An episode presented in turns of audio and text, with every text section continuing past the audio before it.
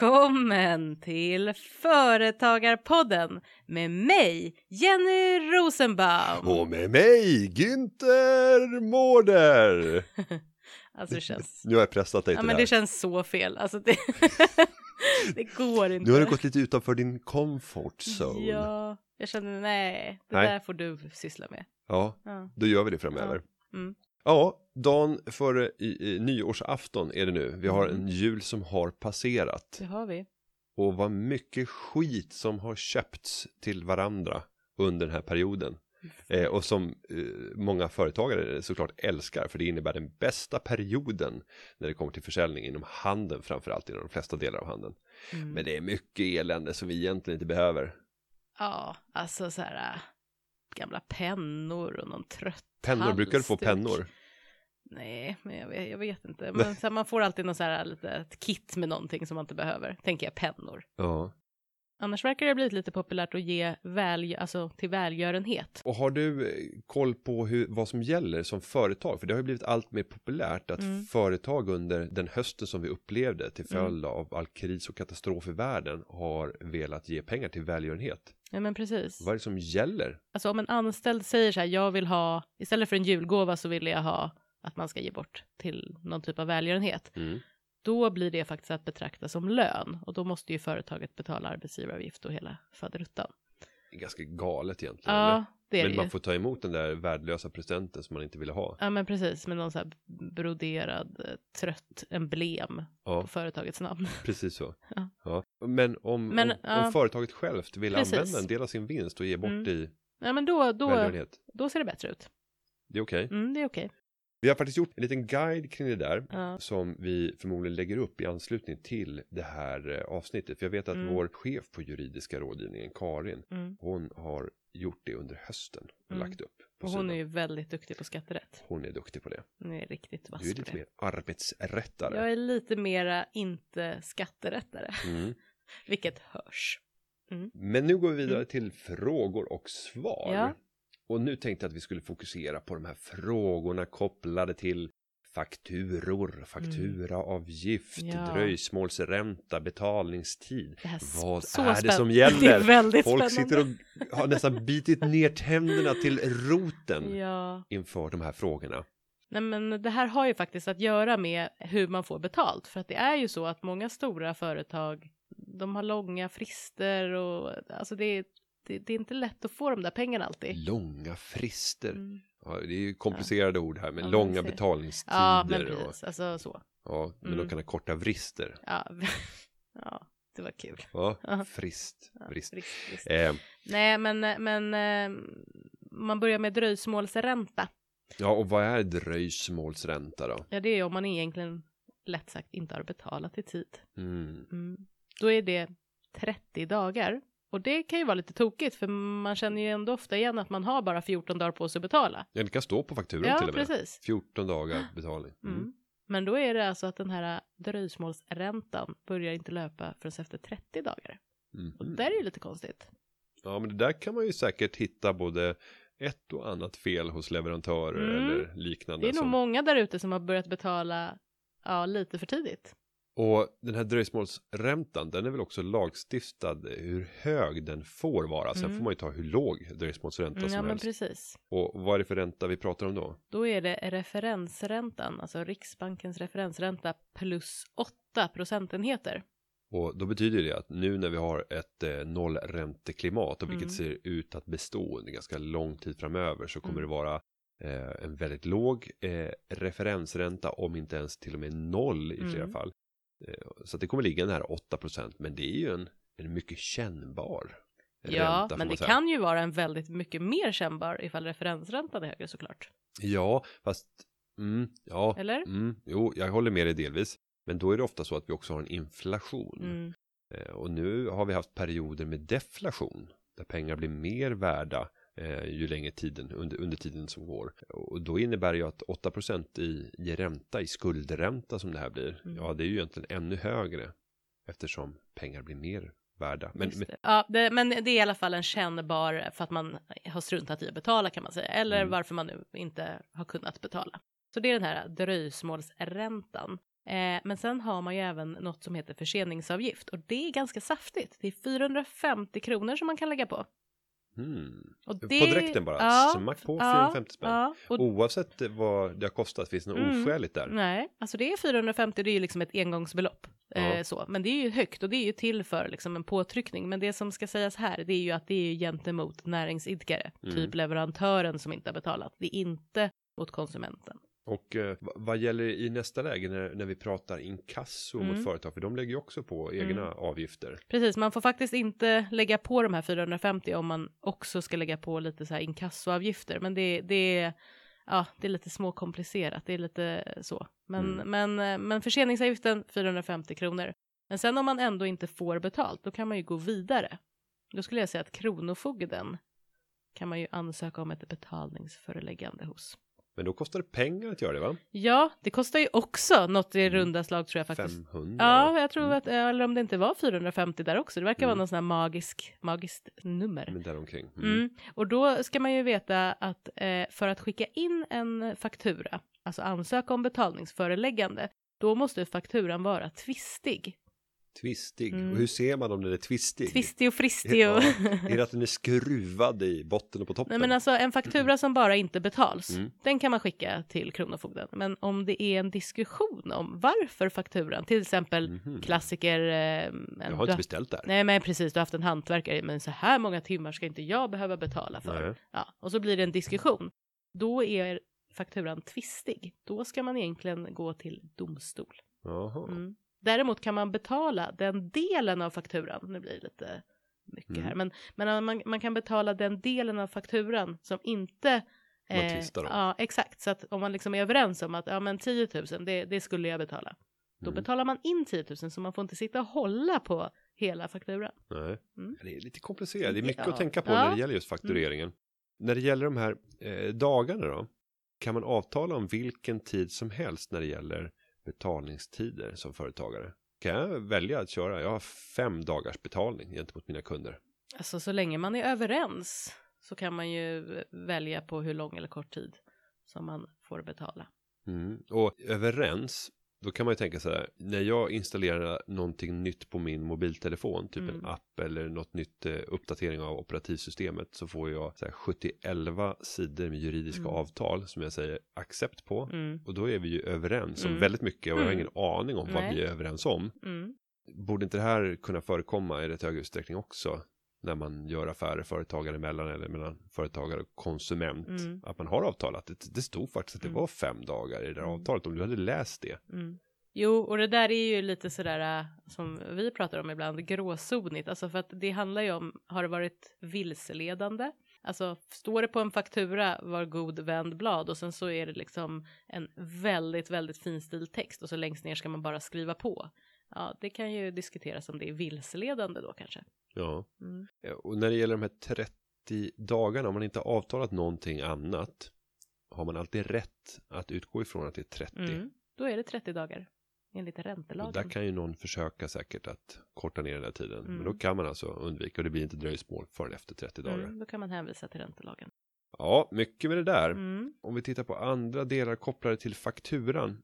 Om vi ser alla dessa blufffaktura eh, eller bluffföretagen som Mm. skickar blufffakturor. Mm. Där ser man ju att många är ju rätt skickliga Ja. på att eh, faktiskt formulera rent avtalsrättsligt Mm. att du ingår ett avtal Mm. med dem. Det här är inget erbjudande, det här är ett, ja, nej, de är, vissa är väldigt bra. Men har vi en för svag lagstiftning i Sverige när vi pratar om liksom, Mm. vad man borde ha känt till eller att det borde finnas en större upplysningsskyldighet om de väsentliga delar Mm. eh, som kan anses vara avgörande för konsumenten i, i det läget. Jo, men det har det ju, men framför allt den, den riktigt stora frågan, det är väl eh, att det inte finns någon ångerfrist för företagare. Och det finns ju på distansköp då pratar jag om. Mm. Eh, det finns ju för konsumenter. Så att om du köper någonting på internet eller, eller om någon ringer upp dig, då får ju du som konsument ångra dig. Och det kan du ju inte göra när du är företagare. Och det är Mhm. där den stora problematiken ligger. Och då tänker jag så här att som företagare om det är så att man ska köpa någonting på distans eller över telefon eller liknande. Om jag då köper det som privatperson, om jag är egenföretagare. Mm. Och sen gör jag ett eh, tillskott till företaget genom att stoppa in den här varan eller tjänsten vad jag har köpt. Mm. Som, ett, eh, som en insättning i företaget, Mm. som en, ett värdetillskott så att säga. Mm. Och så får jag en utbetalning till följd av att jag har fört in de här värdena. Då kan jag ju sitta och dribbla mellan konsumentköpslagen och Då börjar det bli väldigt gråzonig. då är det gråzon. Ja, för att du har ju ändå liksom gjort köpen som privatperson. Mm, men jag insåg att mitt företag skulle ha nytta av den här tjänsten Mm. och jag skulle kunna sälja det vidare till samma pris. Så jag Mm. gör ingen avans på det Mm. utan det är ett nollsummespel men jag kan komma åt konsumentköpslagen som bara är till för Mm. privatpersoner. Nej, så tror jag nog inte att det kommer Mhm. gå till för att man kommer titta på till exempel när den här Nyttjandet. säljaren ringde upp dig och då ringde han ju upp dig i egenskap av privatperson till exempel. Mm. Eh, och är du privatperson så är det inte ett problem. Då kan du ju, om vi nu pratar om, för det var det vi började prata om, blufffakturan och hur kommer jag liksom ur det här? Då kommer du inte vilja köpa in tjänsten kanske från, Nej, och Mm. jag tycker framöver i podden så ska vi ta Mm. fram lite exempel på Mm. blufffakturor Mm. och berätta om de här illgärningsmännen Mm. bakom företagen Mm. och hur de försöker lura Mm. åt sig pengar på ett fräckt sätt och granska hur ser det faktiskt ut. Men om vi bara snabbt ska ge tipsen, vad gör man om man har fått en blufffaktura? Alltså om man får en så kallad då blufffaktura, för det ska väl sägas att det är inte alltid att företaget är, det är inget bluffföretag. Det står utan- inte bluffföretag Nej, AB. utan det precis, det finns ju ett företag bakom. Sen kan ju produkten vara skitdålig eller men så. Men, men det är tekniken kanske bakom just säljandet, att man säljer in på ett vilseledande sätt ofta. Mm. Så att men får man då en faktura till följd av att man har sagt ja till någonting som man inte uppfattade att man sa ja till, till exempel. Då ska man ju stryka ett diagonalt streck över den här fakturan och skriva med Och det stor... måste vara diagonal. det måste vara diagonalt. det är väldigt viktigt. Ja. Ja, det, är, det, det känns liksom, ett diagonalt streck. ja, Eh, ett streck. ett streck. Ett streck, man drar ett streck över hela. Ja. Nej, men man, man stryker ett Man gör streck. inte som kungen och bara vänder blad. Nej, nej, det tycker jag inte. Man, för där på det bladet finns det väldigt mycket finstilt stil. Okej. Och man, man gör inte som man gör i många typ så här man tänker reklamer eller liknande. Mm. Att Man river fakturan så bara den här har inte jag beställt. Den Nej, men precis. Man river den och sen är det ingen som vet om att man har rivit den. Nej. Nej, utan du stryker ett streck över Mm. fakturan och så skriver du med stora bokstäver. Det går bra med små också. Ja. Att du bestrider den här fakturan eller ja, så. Med och sen, röd penna. Mm, Gärna med röd penna. Bestrides. Här hos oss på Företagarna kan man få en fin stämpel. Den är Mm. röd. Bestrides, står det. En sån har jag på mitt Ja, har skrivbord. det? Jag har aldrig behövt använda den i skarpt läge däremot. Nej. Nej, men du kanske du, man vet aldrig. Nej. Eh, kan hända även den bästa faktiskt. Ja, fast ja. Men man skriver i alla fall att man bestrider. Och sen det som är väldigt viktigt det är att man måste skriva varför man bestrider. Mm. Om man då har blivit vilseledd, då skriver man att man bestrider på grund av vilseledande beteende. Eller, Ja, eller att Ja. jag inte har beställt den här. Ja. Det är ju det vanligaste. Att ja man bara precis. får. Har ej beställt, Nej. punkt. Mm. Och det räcker med liksom ganska kort så, men man måste ändå skriva varför. Och sen så skickar man tillbaka det här då. Och det kan vara ganska svårt ibland att skicka tillbaka, för ibland så finns det ingen avsändare. Ibland finns det en avsändare i typ Estland eller något annat Mm. land. Mm. Eh, Och där fick jag ju se ett litet fräckt tips på en företagare som ville kan man säga, spela ett spratt på Mm. de här bluffföretagen. För att då var det ett eh, så kallat bluffföretag som höll på med eh, telefonkatalogupplysning. Mm. Och eh, då fanns det ett förfrankerat kuvert tillsammans med det. Mhm. Och eh, då valde han att stoppa ner massor med skit och elände i det här kuvertet tillsammans med fakturan som han hade strukit och Mm. bestridit. Eh, men så att de fick betala ohyggligt mycket i porto. Mm. Det finns någon film där han klistrar på det här portobetalt kuvertet på en kartong Mm. och fyller med ännu mer skit och elände och några gamla skor och liknande. Mm. Är det okej? Ja, alltså varför inte? Ja, men- skit ska skit Ja, hava. Nej men alltså skämt åsido, Mm. det, vi hade faktiskt en medlem som ringde mig och då var det någon försäljare till kontoret som hade ringt till en receptionist under sommaren, ja det var väl någon Mm. vikarie då, och frågat om man ville ha häftapparater och han hade väl sagt ja till en eller två häftapparater och in hade det ju kommit en kartong med liksom, ja men så här 500 häftapparater Klart man behöver. som han inte behövde. Och det var ju svårt att eh, lämna tillbaka dem. Att skicka, hur gör man när man skickar tillbaka dem? För företaget tog ju inte emot de häftapparaterna. Så att det där är, det är inte helt lätt alltså. Nej, nej, det där får vi återkomma Mm. till. Mm. Då har det blivit dags för gråzonen. Allt som är lagligt är inte alltid lämpligt. Och nu tänkte jag att ta upp en särskild fråga som ofta aktuell för företagare. Och det är ju relationen till medarbetarna.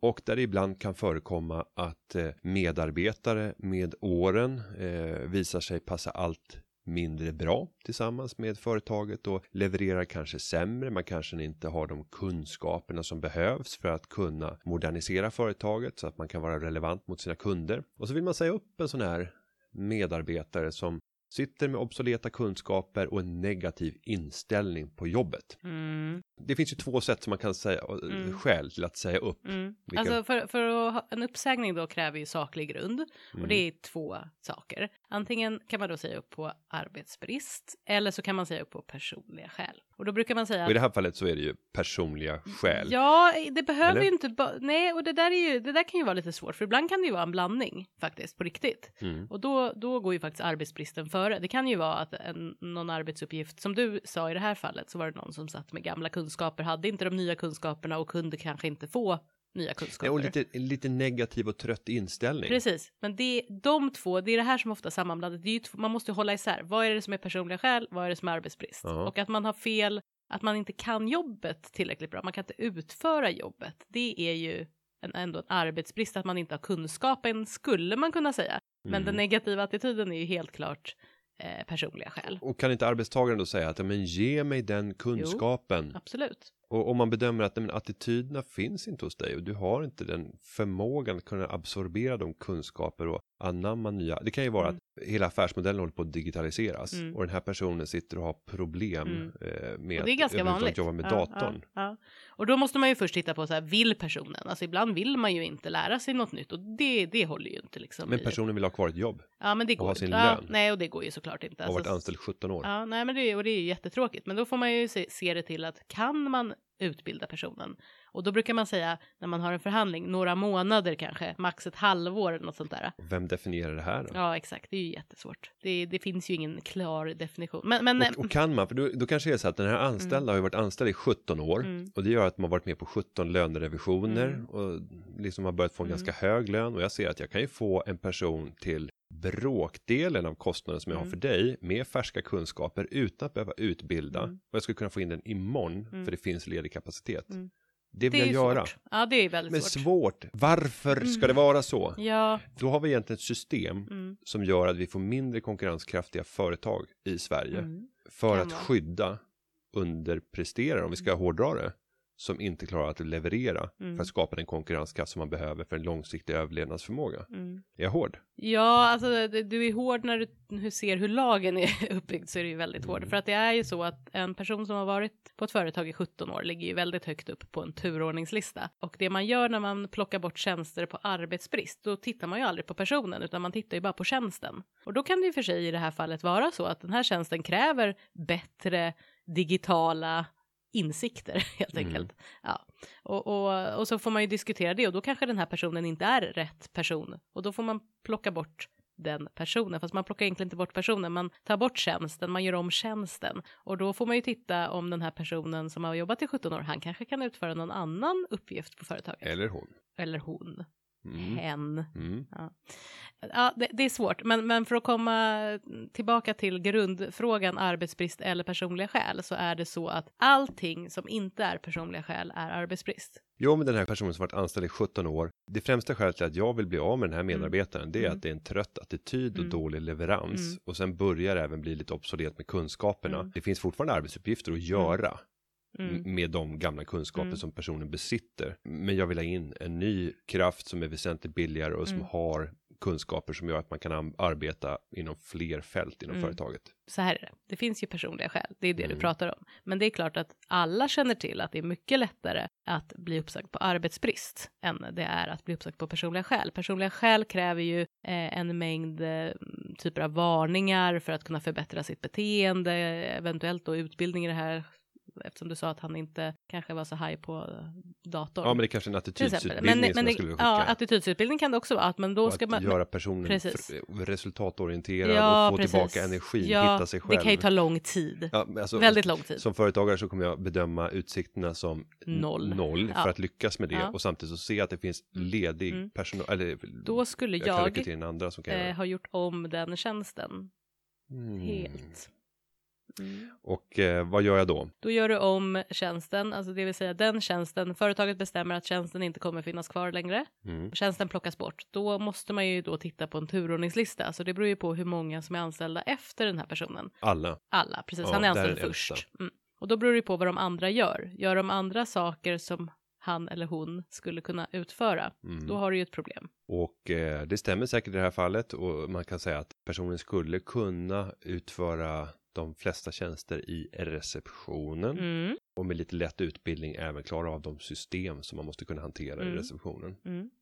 Då ska han ju eh, i så fall om han kan klara av receptionen och man börjar nerifrån på listan och vi säger att reception ligger där. Då är det ju så att då ska ju han bli erbjuden den här receptionisttjänsten och då är det ju receptionisten som ska bli uppsagd på arbetsbrist och inte den här Och nu, har, gamla och nu har man börjat skapa fullständig kaos i Mm. organisationen när man Mm. utlöser det här och Mm. nervositet och han som eller hon kanske Mm. som jobbar i receptionen eh, börjar gråta för Mm. de inser att de börjar förlora jobbet. Mm, det är jobbigt. Ska, Men- ska det behöva vara så här och ingen, Ja. Ingenting fokuserar på att skapa värden nu plötsligt utan det är bara fullständig kaos. Ja. Bara för att jag vill bli av med den här personen som har Ja, det handlar lite ju om... negativ ja, men precis. inställning och Li- dålig leverans. Alltså, och lite negativ inställning är det ju många som kan ha till jobbet i och för sig då, och kanske inte få kicken för det.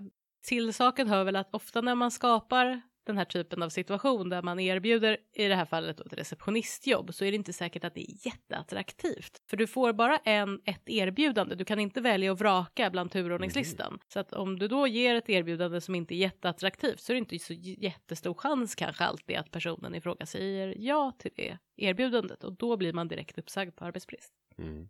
Så det kan ju vara en variant där då. Men om vi ska titta på fördelningen mellan uppsägningar på grund av arbetsbrist och Mm. personliga skäl. Mm. Skulle du säga att det är 99 procent Utan att veta ja. Mm. som är på, på Mm. arbetsbrist? Sen får man ju vara lite försiktig, för det är ju faktiskt så att är det mixat, vilket det ofta kan vara, alltså personliga skäl arbetsbrist, då är, går det väl an. Men det kan ju också vara så att facket till exempel kommer och säger, men det här är förtäckt arbetsbrist, det här är inte alls arbetsbrist, Mm, och det, här är, jag tänker personliga det skäl. ofta. Ja. Ja, grejen är ju den att det kan det göra och då finns det ju alltid något som kan lösa det. Det är något som du känner till mycket väl. Och Det är pengar. ja, ja, Mm. då köper man Ja, ut. det är många gånger som det, det kan bli en Det är att jättevanligt. man gör. Ja, att det blir en överenskommelse helt enkelt. Eh, Parterna är överens om att följande belopp kommer att utbetalas. Mm. Mm. Och det här bidrar ju till att företagaren har en högre kostnad för Mm. att du måste köpa ut personer som inte fungerar och som Mm. man egentligen bara skulle vilja byta ut mot några som Mm. fungerade. Man skulle kunna misstänka att de ökade kostnaderna för att anställa, Mm. både monetärt i det här fallet, men också regelmässigt och, Mm. och, och kanske organisatoriskt. Det kan Mm. spridas oro i de här lägena också. Ja, visst. Eh, bidrar till en minskad vilja att anställa. Absolut. och- och framförallt att anställa, inte- ja, och framförallt att anställa de här extra personerna. Mm. Att man liksom får för många anställda, eller man känner att man får många anställda. För att har man färre anställda, då kan man ju mixa med en turordningslista lite lättare. Man har ju till exempel ett två undantag om man har färre än tio anställda, vilket betyder att du får plocka bort två personer från turordningslistan. Som, Helt valfritt. som du tycker är, ja, typ, som är av särskild vikt för den fortsatta verksamheten. Och då Mm. får det ju inte vara, du har tre säljare, du plockar bort två för att de säljer mer, för det är personliga skäl. Mm. Men det kan vara någon som besitter kunskaper som den andra inte besitter eller För det som blir lite absurt med de här turordningsreglerna Mm. det är ju att den senaste personen som är anställd det är ofta den som har de mest Mm. relevanta kunskaperna Helt klart. och egenskaperna för företagets Mm. fortsättning. Annars har Mm. du inte anställt den Mm. personen. Och samtidigt så är det den första som ska åka ut Mm. om inga undantag tillämpas Ja. och, och, och vi bara ska Nej men det är jätteproblematiskt och det gäller verkligen att göra rätt från början. Så att därför säger vi ju alltid till våra medlemmar, ring så fort ni ens börjar tänka på det här. Ring inte till juridiska rådgivningen när ni redan har gjort fel. Det blir så jobbigt och det blir så dyrt. ja. Och det är enkla grejer som man kan få tips med. Mm. En genomgång, hur, hur, hur går jag tillväga? Var börjar jag och var slutar jag? Och det största problemet tycker jag, det är ju att folk vill ju agera väldigt snabbt. Eller man vill ju att det här redan ska ha skett. mm. Man vill ju ha blivit av med den här personen ofta. Och då kanske man gör någonting som man inte borde. Då blir det dyrt. Och det blir jättesvårt att reparera också en relation. mycket känslor Ja, inblandat. jättemycket känslor. Och känslor till facket. Mm. Det är svårt att reparera relationen. Och jag har ju varit med om eh, fall i min karriär där eh, Där du blev uppsagd. Nej men det har sagt upp Ja. en medarbetare och har haft personliga skäl. Jag har Mm. kunnat lägga i bevis att personen har ägnat uppmärksamhet åt eh, någonting annat än sitt arbete under betald arbetstid. Mm. Och nu var det inte jag som drev det här utan vi hade underlag som kunde visa att personen la mycket stor del av sin tid på att administrera saker som inte hade med företaget Mm. att göra och vi kunde se det bland annat via e-posten Mm. där det var en frekvent kommunikation Mm. med andra saker. Och eh, det här tog ju en av mina chefer ut då information om. Men det jag inte tänkte på då, även om mejlen är företagets egendom, Mm. för så är det. Mm. Företagets mejl är företagets egendom. Så finns det ju psykologiska effekter här Mm. som inte är jättepositiva Nej. för ledaren, för great leader. Som då kanske målas ut som en storebror ser dig Ja, ja. och övervakar allting. Nej, där, där eh, kanske jag skulle, om jag hade drivit det fallet i arbetsdomstolen Mm. så hade jag säkert kunnat vinna, men jag hade fullständigt förlorat sympatin. Och det har också en väldigt stor kostnad. Det är en sak att ha rätt, det Mm. är en annan sak att få rätt brukar man säga. Ja, Mm. och att utvinna de positiva Ja. delarna. Ja, nej men alltså rätt. det är ju väldigt känsligt så att alla de här frågorna som handlar om personliga skäl, de, de är oftast, det så många gånger som medlemmar ringer och det här är klockrent och det är så lätt och nu ska vi bli av med honom och sen i slutändan av samtalet då är det så här, nej men du har typ ingenting på fötterna. Kanske för att man ibland också agerar för sent som arbetsgivare. Det finns ju vissa frister där. Och, och som Frister igen. Frister. Mm. Och som företagare och chef så Ja. är det viktigt att ha med sig att det finns en logik i Mm. att man väldigt sällan kommer tycka synd om dig. Mm. Utan man kommer tycka synd om den svaga Ja. parten. Eh, Och därför så gäller det att tänka till retoriskt också. Hur mycket kan du skadas Mm. av att gå fram väldigt fort? Mm. Eh, Du kanske har helt på fötterna och det är solklart case. Men du kommer förlora i anseende hos dina medarbetare och tappa i kanske förtroende och Ja, och som sen är det ju så här att alltså, företagarna, vi har ju väldigt många små företag med bara ett par anställda och då har man ju ibland byggt upp relationer, det är ju år av relationer, man är ju som familj. Mm. Och sen det här sveket då man tycker, det är ju väldigt mycket känslor inblandat. Det här är en komplicerad fråga Mm. som vi lär återvända till. Det kommer vi garanterat göra.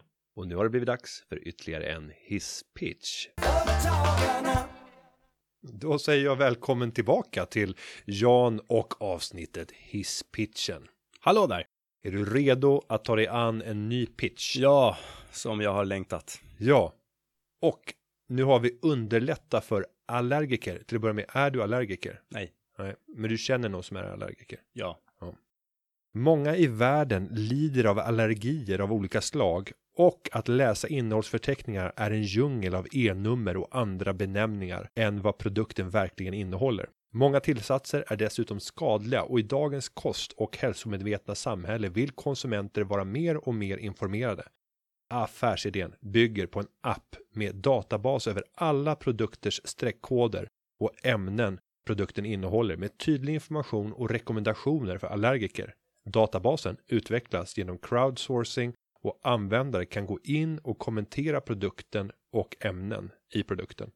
Affärsmodellen ligger i annonser men även i försäljning av data på hur, vad och var konsumenter rör sig och vad de i framtiden kommer att efterfråga. Det här är Mattias Mellgren som har skickat in den här Mm. affärsidén. Mhm. Spännande. Ja, den har något. Eller hur? För Ja. nu, då tänker vi att vi scannar med vår mobil med Ja. hjälp av telefonen. Ja. Och hur ska sen informationen samlas in? Kan man göra så att, Ja, men det är nog inga problem. Men däremot så fattar jag inte riktigt hur man ska koppla allergin till streckkoden. jo för det, allting måste ju stå vad den innehåller och du vet vad du är allergisk mot så det kan du ställa in i appen. Ja, jag tror att det finns en databas att den här produkten innehåller exakt det här. Så då måste du koppla upp det mot, säg att det är Colgate Palmolives tandkrämer. Mm. Och så streckkodar du den in i appen. Så ska den dunkas mot någon databas. Jag tror inte att det står i streckkoden. ja, nej, jag tror inte att du har, du har inte information idag i dagens streckkod vad produkten innehåller. Nej. Det finns inget sånt Nej. register vad jag tror. Nej, Utan det måste ju användarna själva hjälpa till vadå ska Fylla. någon sitta och skriva då att E E543 Nej, men det skulle ju kunna vara så att du fotar streckkoden och sen fotar du innehållsförteckningen och sen har du en teckentydare som ger förslag på vad är det jag ser i de här tecknena. Jo, jag ser natriumkarbonat. Nu börjar vi om här. Alltså målgruppen i slutändan, om Mm. vi säger att det är en, en databas på allting som finns i hela världen. Så vill ju du som användare då antar jag kunna fota streckkoden och säga så här, nej, givet dina allergier så kan inte du använda den här. Mm. Är inte det som är syftet? Jo, men det är en process där någon måste från första stund, första gången en streckkod scannas så måste ju någon fylla i den informationen. Det kan man ju inte sitta och göra själv. Där måste vi crowdsourca den insamlingen av Ja, data. och det fattar jag. Men sen undrar jag så här, okej, men om utmaningen är att givet det som står in bak på innehållsförpackningen Mm. är så komplext. Så ska, hur ska du koppla det till en människas allergier sen? Om, om du har då tagit streckkod och Mm. så sitter du och taggar och sitter och skriver in allting som finns här, vilket verkar helt absurt att du skulle göra det. Hur ska den kunna säga sen, om jag är allergisk mot räkor så att, och det finns räkextrakt i E743? Nej, men, Är det någonting jag inte fattar? ja, men jag tror att en allergiker kan läsa på en innehållsförteckning och omedelbart se innehåller den här någonting som jag är allergisk mot och det är regelbaserat. Men då är det väl lättare att titta på paketet än att gå in i appen? Eh, Jo, fast att kunna göra det snabbare. Att bara kunna scanna och se. Och sen tänker jag även en internationell marknad. Om du kommer till Eller ska man ha Holland. skrivit in vilka saker man är allergisk för? Ja, för det är ju unikt. Det är ju individuellt för alla. Ja, vissa tror- är ju bara allergiska mot Exakt nötter. vet, ja exakt. Någon är mot, eh, min fru är mot stenfrukter, otillredda stenfrukter Ja, och även mot skaldjur. ja. Om man säger då att jag är allergisk mot skaldjur, då kommer det förslag på allting som du ska kryssa i. Och antingen så säger man, ja, ta allting som bara berör skaldjur, Mm. så är man på säkra sidan. Mm. Och när det gäller otillredda kärnfrukter. Ja, nej men jag... ja, men jag tänker så här, när du är i Frankrike, jag kan inte franska, jag kan tyska liksom. Och om jag ska fota en Okej. streckkod ja, där. Ja. Och sen får jag det översatt till svenska, för att produkterna är ju de samma, innehållet är ju detsamma, det är bara att det är en annan översättning. Och då kan appen på direkten Tror du berätta att samma streckkod på en Colgate Palmolive i eh, Frankrike som det är i Sverige? Eh, nej, du har ju en lokal försäljning. Sverige börjar ju alltid på 7-3 va?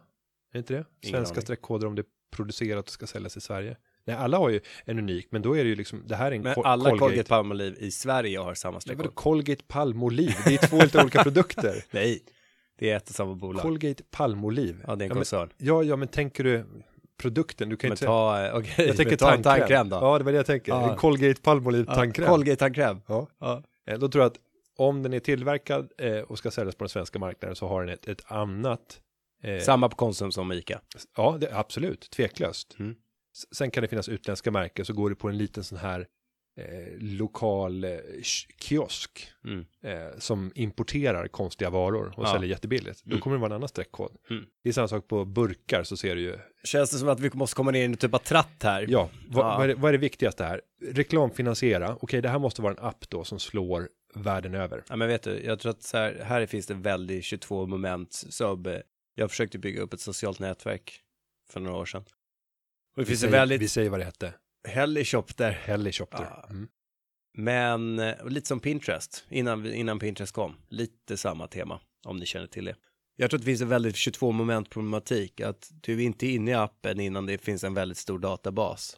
Och du känner inget, liksom, du känner inte att du behöver bygga upp den här databasen om det inte finns väldigt många användare. Så det är väldigt svårt höna-ägg problematik här. Plus att vi inte riktigt har fattat vad appen går ut på heller. Ja, men jag, jag har förstått. Okej, vad- okej, berätta. Du är allergiker. Jag är allergiker. Och så ta inte nu att du är på någon utlandssemester. Nej, utan, du- jag kommer in i en svensk butik Ja. och sen så är det en ganska komplicerad, det är en fiskgratäng och den kan innehålla allt möjligt. Ja. Jättelång innehållsförteckning.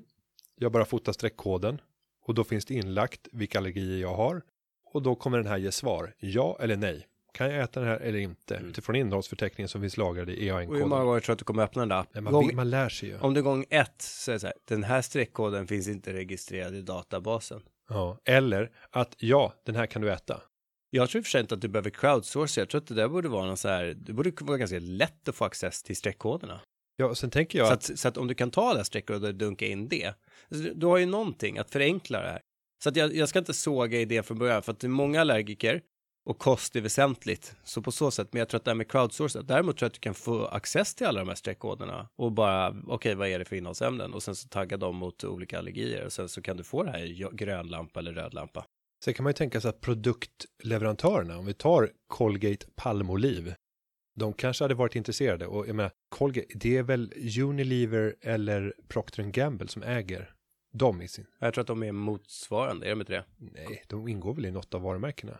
Men- Det är Pepsodent. ingår i någon av dem. Ja, det är de säkert. Ja. Alltså Pepsodent ingår i någon koncern. Det är jag tämligen övertygad om. det är korrekt. Eh, nej, men om man skulle komma till Procter, nu har inte de så mycket innehåll, jo det har de i vissa produkter såklart. Jo, jag tänkte rakhyvlar. Den innehåller plast, den innehåller metall. Men förmodligen en ganska liten målgrupp som är allergisk mot Mac Mot- 3. Ja, eh, men jag tänker mig att leverantörerna borde ha ett egenintresse att se till att koppla upp det här för att det ska vara lättare att köpa deras produkter. Ja, men lite. Att det är de som Du vi försöker på liksom komma in på det jag precis sa, fast på ett annat. På... lite mer folkligt sätt. Ja. Så att folk ska förstå. Nej, men att helt Mm. enkelt om det finns access till databasen så är det ju bara att dunka in den. Ja. Och då kan du få en, och så skriver du in dina allergier, det, den, den tröskeln orkar. Alltså allting i en app handlar om konvertering, att det ska vara väldigt få trösklar för att komma igång. Och att skriva in sina allergier, det är lite för att snabbt få grön.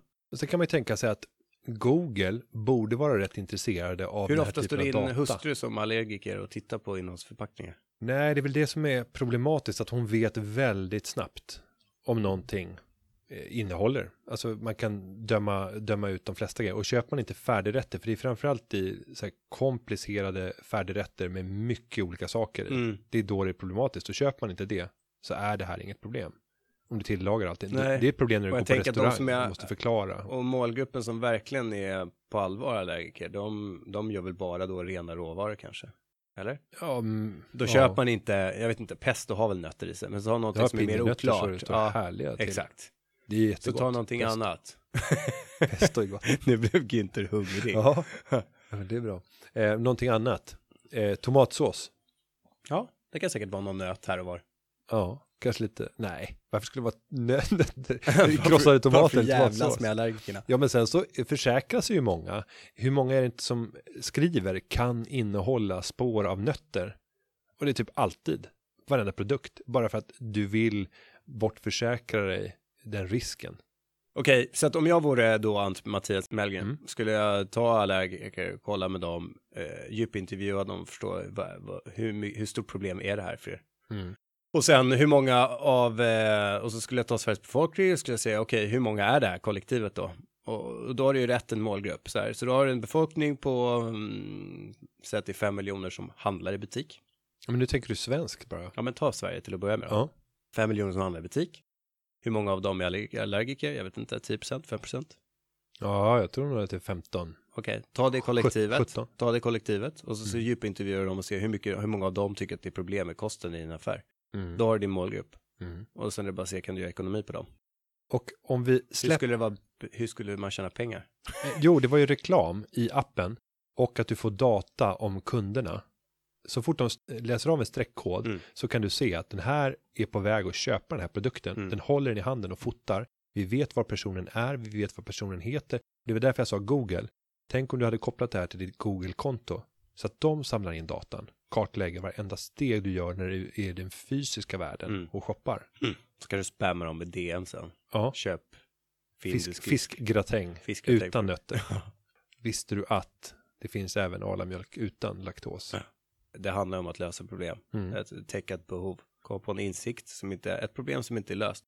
Och så tror jag man liksom utgår ibland för för liten. Ofta tycker jag man, man tänker så här, men det här, alltså att man får idéer pitchade för sig som är för små. Så Mm. Men det finns inte tillräckligt stor efterfrågan. Sverige, man ska inte limitera sig till Sverige, men även det är liksom bra utifrån en matematisk övning att tänka i en svensk. Ja, och, och sen är det väl det också att många tar alldeles för lång tid på sig innan man faktiskt sätter sig ner och börjar prata med kunderna Mm. och ser deras betalningsförmåga och vad de egentligen vill ha. Så, så mitt generella tips är alltid att börja i kundmötet så kommer kunden hjälpa till att utveckla den lösning som de vill ha på sitt problem och som de står beredda att betala en peng för. Mm. Men vad säger vi då om vi ska sammanfatta den här eh, allergiappen? Eh, Lite spännande då, eller? Men, men så reklamfinansierat, det är svår. Ja, du får inte mycket. Nej. Finns det, om vi, om, vi, om vi säger så, kan du nämna några appar som tjänar riktigt bra pengar på reklam? Men jag tror att spelappar tjänar bra med pengar på reklam. Ja, men där är en annan grej. Där tillbringar du mycket tid Ja. Och sen så kommer det upp budskap för att du ska kunna ta det vidare och så fort du startar det. Det här är ju en sällananvändningsapp och det är ju inte så att du vill Nej, tillbringa timmar där. Framför den. Nej. Och det är inget, det är, inte- den är inte beroendeframkallande på det Men sättet. du har liksom en tydlig, du vet var den, du vet var den används, vilket är inne i butik. Så att du har ju upsell-funktionalitet i det. Så att, Du samlar data så om här, tänk att du tar en streckkod på uh, Findus och så kopplar den till kuponger och säger att ja, men om du köper den här, om du nu inte är allergisk på den här produkten, så kan du även ta med dig Bob Ja. eh, saft. Att man får förslag och tänk dig om, om du ser att den varnar och säger nej, du kan inte äta den här. Men sen får du direkt ett förslag på en likvärdig vara med rabattkupong. Exakt. Där har du någonting. Ja, men alltså vem, vilken, Ja. vilket mat eller alltså ICA som finns i ICA-varumärke skulle inte vilja kunna kommunicera med målgruppen när du är i butiken. Men då tänker jag på direkt en annan affärsidé. Det är ju att ta de här streckkodsavläsarna som man har på shop to go eller vad säger man? Shop and go. När du själv läser av streckkoderna. Tänk dig att bygga in en monitor där. Så fort du scannar en vara så kan man få ett meddelande om en konkurrerande produkt och se om du kan få ett bättre pris. Mm. Jäklar vad Var de det i alla fall en i Sverige som skulle kunna tänka sig. Shit vad de skulle kunna tjäna pengar. Du ser att ja, men du köpte Löfbergs lila kaffe. Så bara, ja, men vet du vad? Eh, Om du köper Gevalia istället. Vi vet att vi håller på att förlora dig som kund nu. För du har precis läst in i streckkoden. Du får 20% rabatt om du byter till en Gevalia. Det står inte på där, men det kommer att dras omedelbart om du klickar Jag tror inte att du varan. gör dig vänner med de som sen ska annonsera i appen.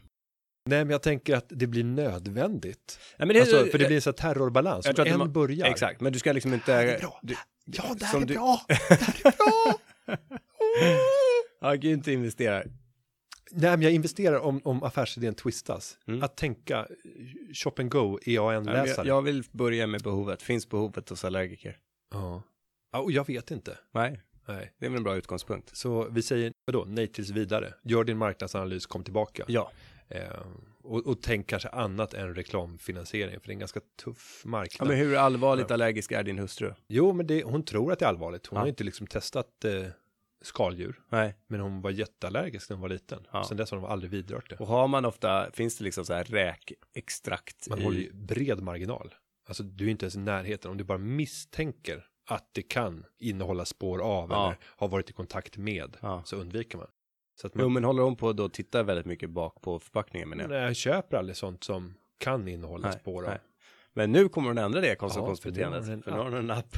Men jag gick ändå igång på det där med, med streckkodsavläsare, med Men monitor du vet, det finns och många digitala, jag, jag känner någon som har jobbat där med digitala kuponger i tio år. Jo, men skillnaden här, det är att du de facto har köpt produkten. Du har precis köpt Lövbergs kaffe. Du har ju streckkodat den. Du ska stoppa ner den i påsen. Och då får du ett budskap. Nej, pröva den här likvärdiga varan. Du får 20% rabatt om du byter. Vill du avbryta föregående köp och byta? Den står bredvid till höger om dig. Tänk om Mathem hade så här funktionalitet att du bara kunde gå runt inne på Nika och så här streckkoda allting du vill ha och så får du 10% rabatt och hemkört. Ja, men varför ska man få 10% rabatt? Eller, du har inte sparat tid, du har ändå varit i butiken och Nej, jag vet, men jag tänker att det är en det här bära och allt det där också. Ja, men jag menar, då kan man ju lika gärna se till att vara på nätet och fylla i precis vad man vill ha. Jag vet, det var inte en hundra vattentät idé. Nej, men vad, vad säger vi? Kom tillbaka med marknadsundersökningen. Vi säger pass så länge. Ja. Ja, vi återkommer. Och där är vi tillbaka och Jenny sitter bredvid mig. Ja, allergiker-app. Mm, Läsa av streckkoder. mm, Eh, Jan tyckte inte att det var någon lysande idé. nej. Håller du med?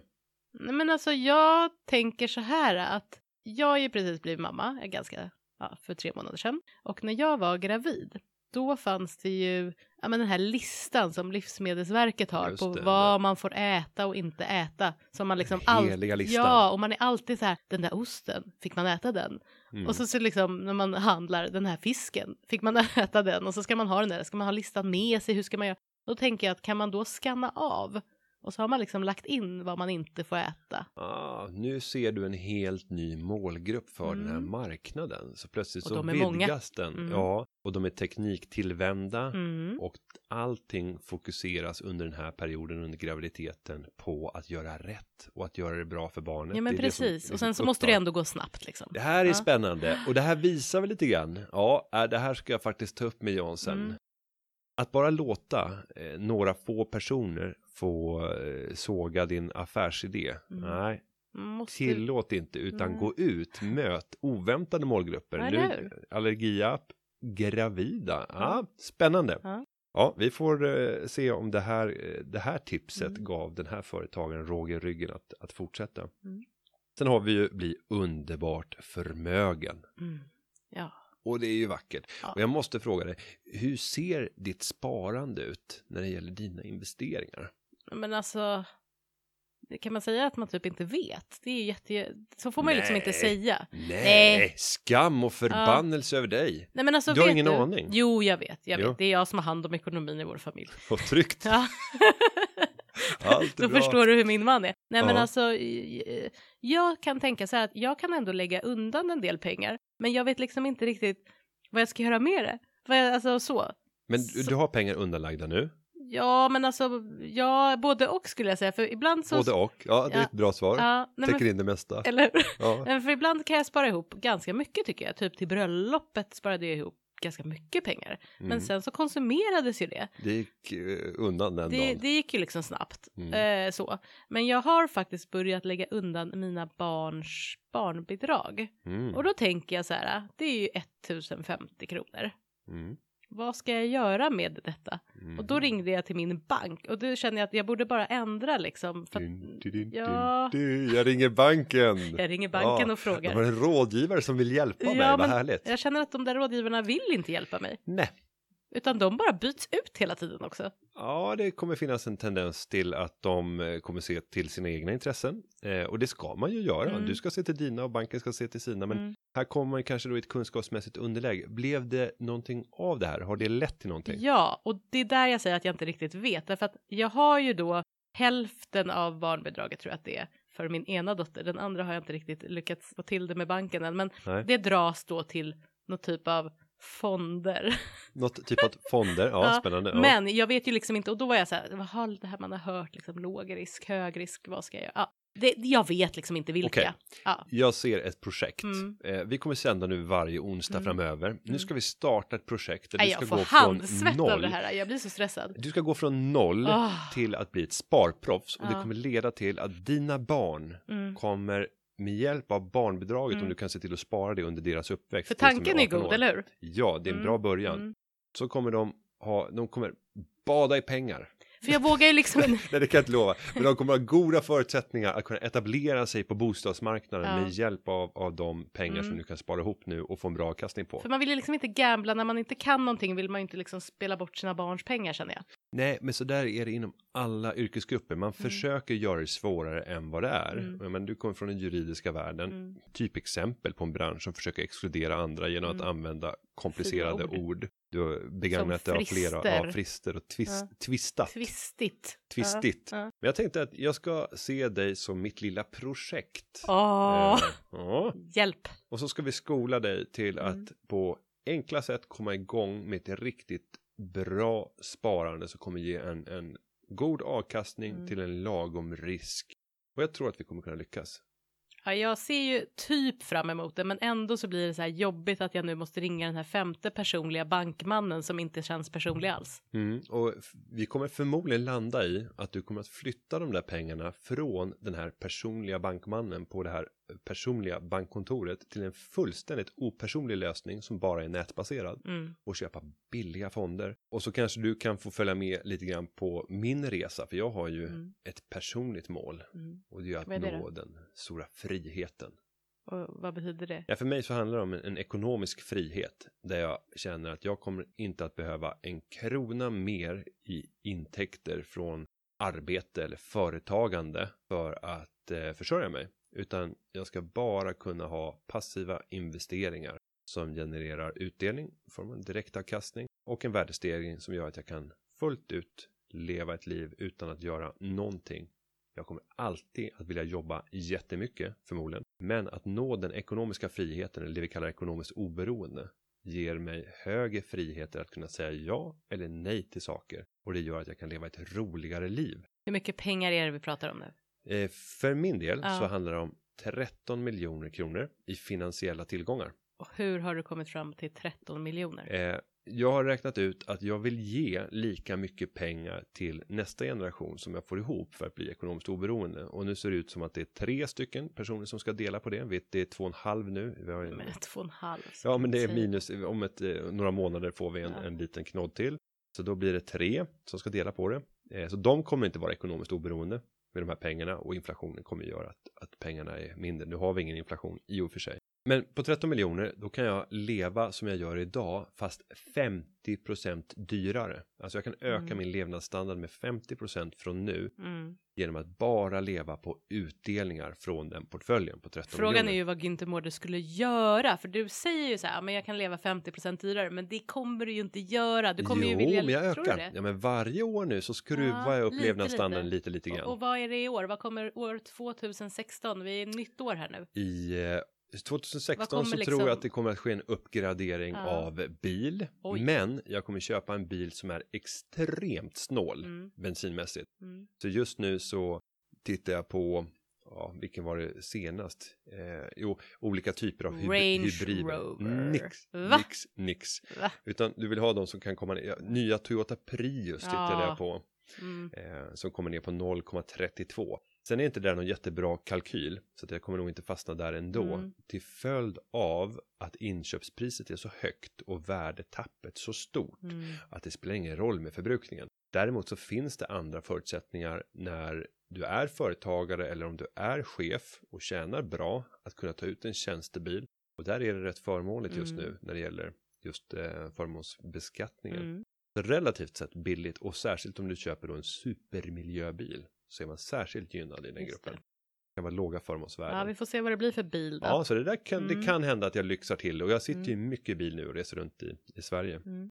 Ska vi se om vi har någon, någon sparad krona. Du lever ju eh, ett mammaliv nu Mm. och kommer ju in och avbryter din mammaledighet för att spela in poddarna. Mm. Då har man ju mycket tid. Har du något eh, spartips som har dykt upp under din tid här när du har kunnat strosa omkring och gossa Ah, med din lilla baby? Precis.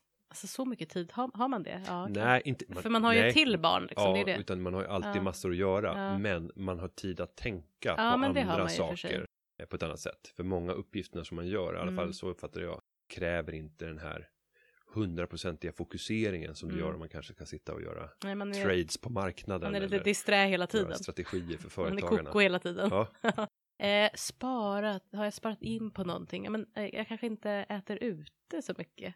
Är nej. det att spara in för dig? ja, det är det. Och där kan jag faktiskt ge ett tips till alla som är kanske lite äldre och börjar närma sig pension. Mm. Eh, Studier visar att en person som går från arbete till pension Mm. sänker sina levnadsomkostnader omedvetet med 10% Omedvetet. Och det här har man bara studerat på pensionärer och ställt frågan. Har du märkt och liksom ställer frågor Mm. om du har gjort några aktiva val att gå ner? Och när de svarar nej på den frågan så ser man ändå att du har fått ner 10% Och anledningen till att det har blivit sparad krona här. Det är ju att de har kunnat planera på ett annat sätt. De har Mm. fått mer tid som gör att impulsköpen blir färre. Då kan jag säga att det är inte på grund av att jag har mer tid och har planerat. Det är snarare tvärtom. Jag har inte tid att äta ute. Mm. Jag tycker att det liksom inte är kul när någon skriker eller drar i Nej. mig. Det är liksom inte en rolig upplevelse på det sättet att äta ute. Sen är det ju faktiskt så att man har ju lite mindre att röra sig med när man har en föräldrapenning än vad man har när man har en lön kanske. Så det kan ju bidra till det. Det är lite återhållsamhet. Mm. Ja, men vi kommer återkomma med spartips och nu har vi en uppmaning till dig som lyssnar. Skicka in dina frågor till hashtag företagarpodden i sociala medier eller på företagarna.se där du kan skriva in lite längre frågor eller kommentarer i formulär. Och då kommer vi framöver att läsa upp de här och se till att du blir producenten av detta program. Ja. Och med det så säger vi att Företagarpodden har spelats in och klippts av Gustav Dalersjö. Vi syns snart igen och gott nytt år! Hörs nästa vecka. Ja, nästa år igen. Hej då! Hej hej. Yeah, yeah, yeah, yeah, yeah, yeah. For the tall Företagarna. Ja, Yeah yeah yeah yeah yeah.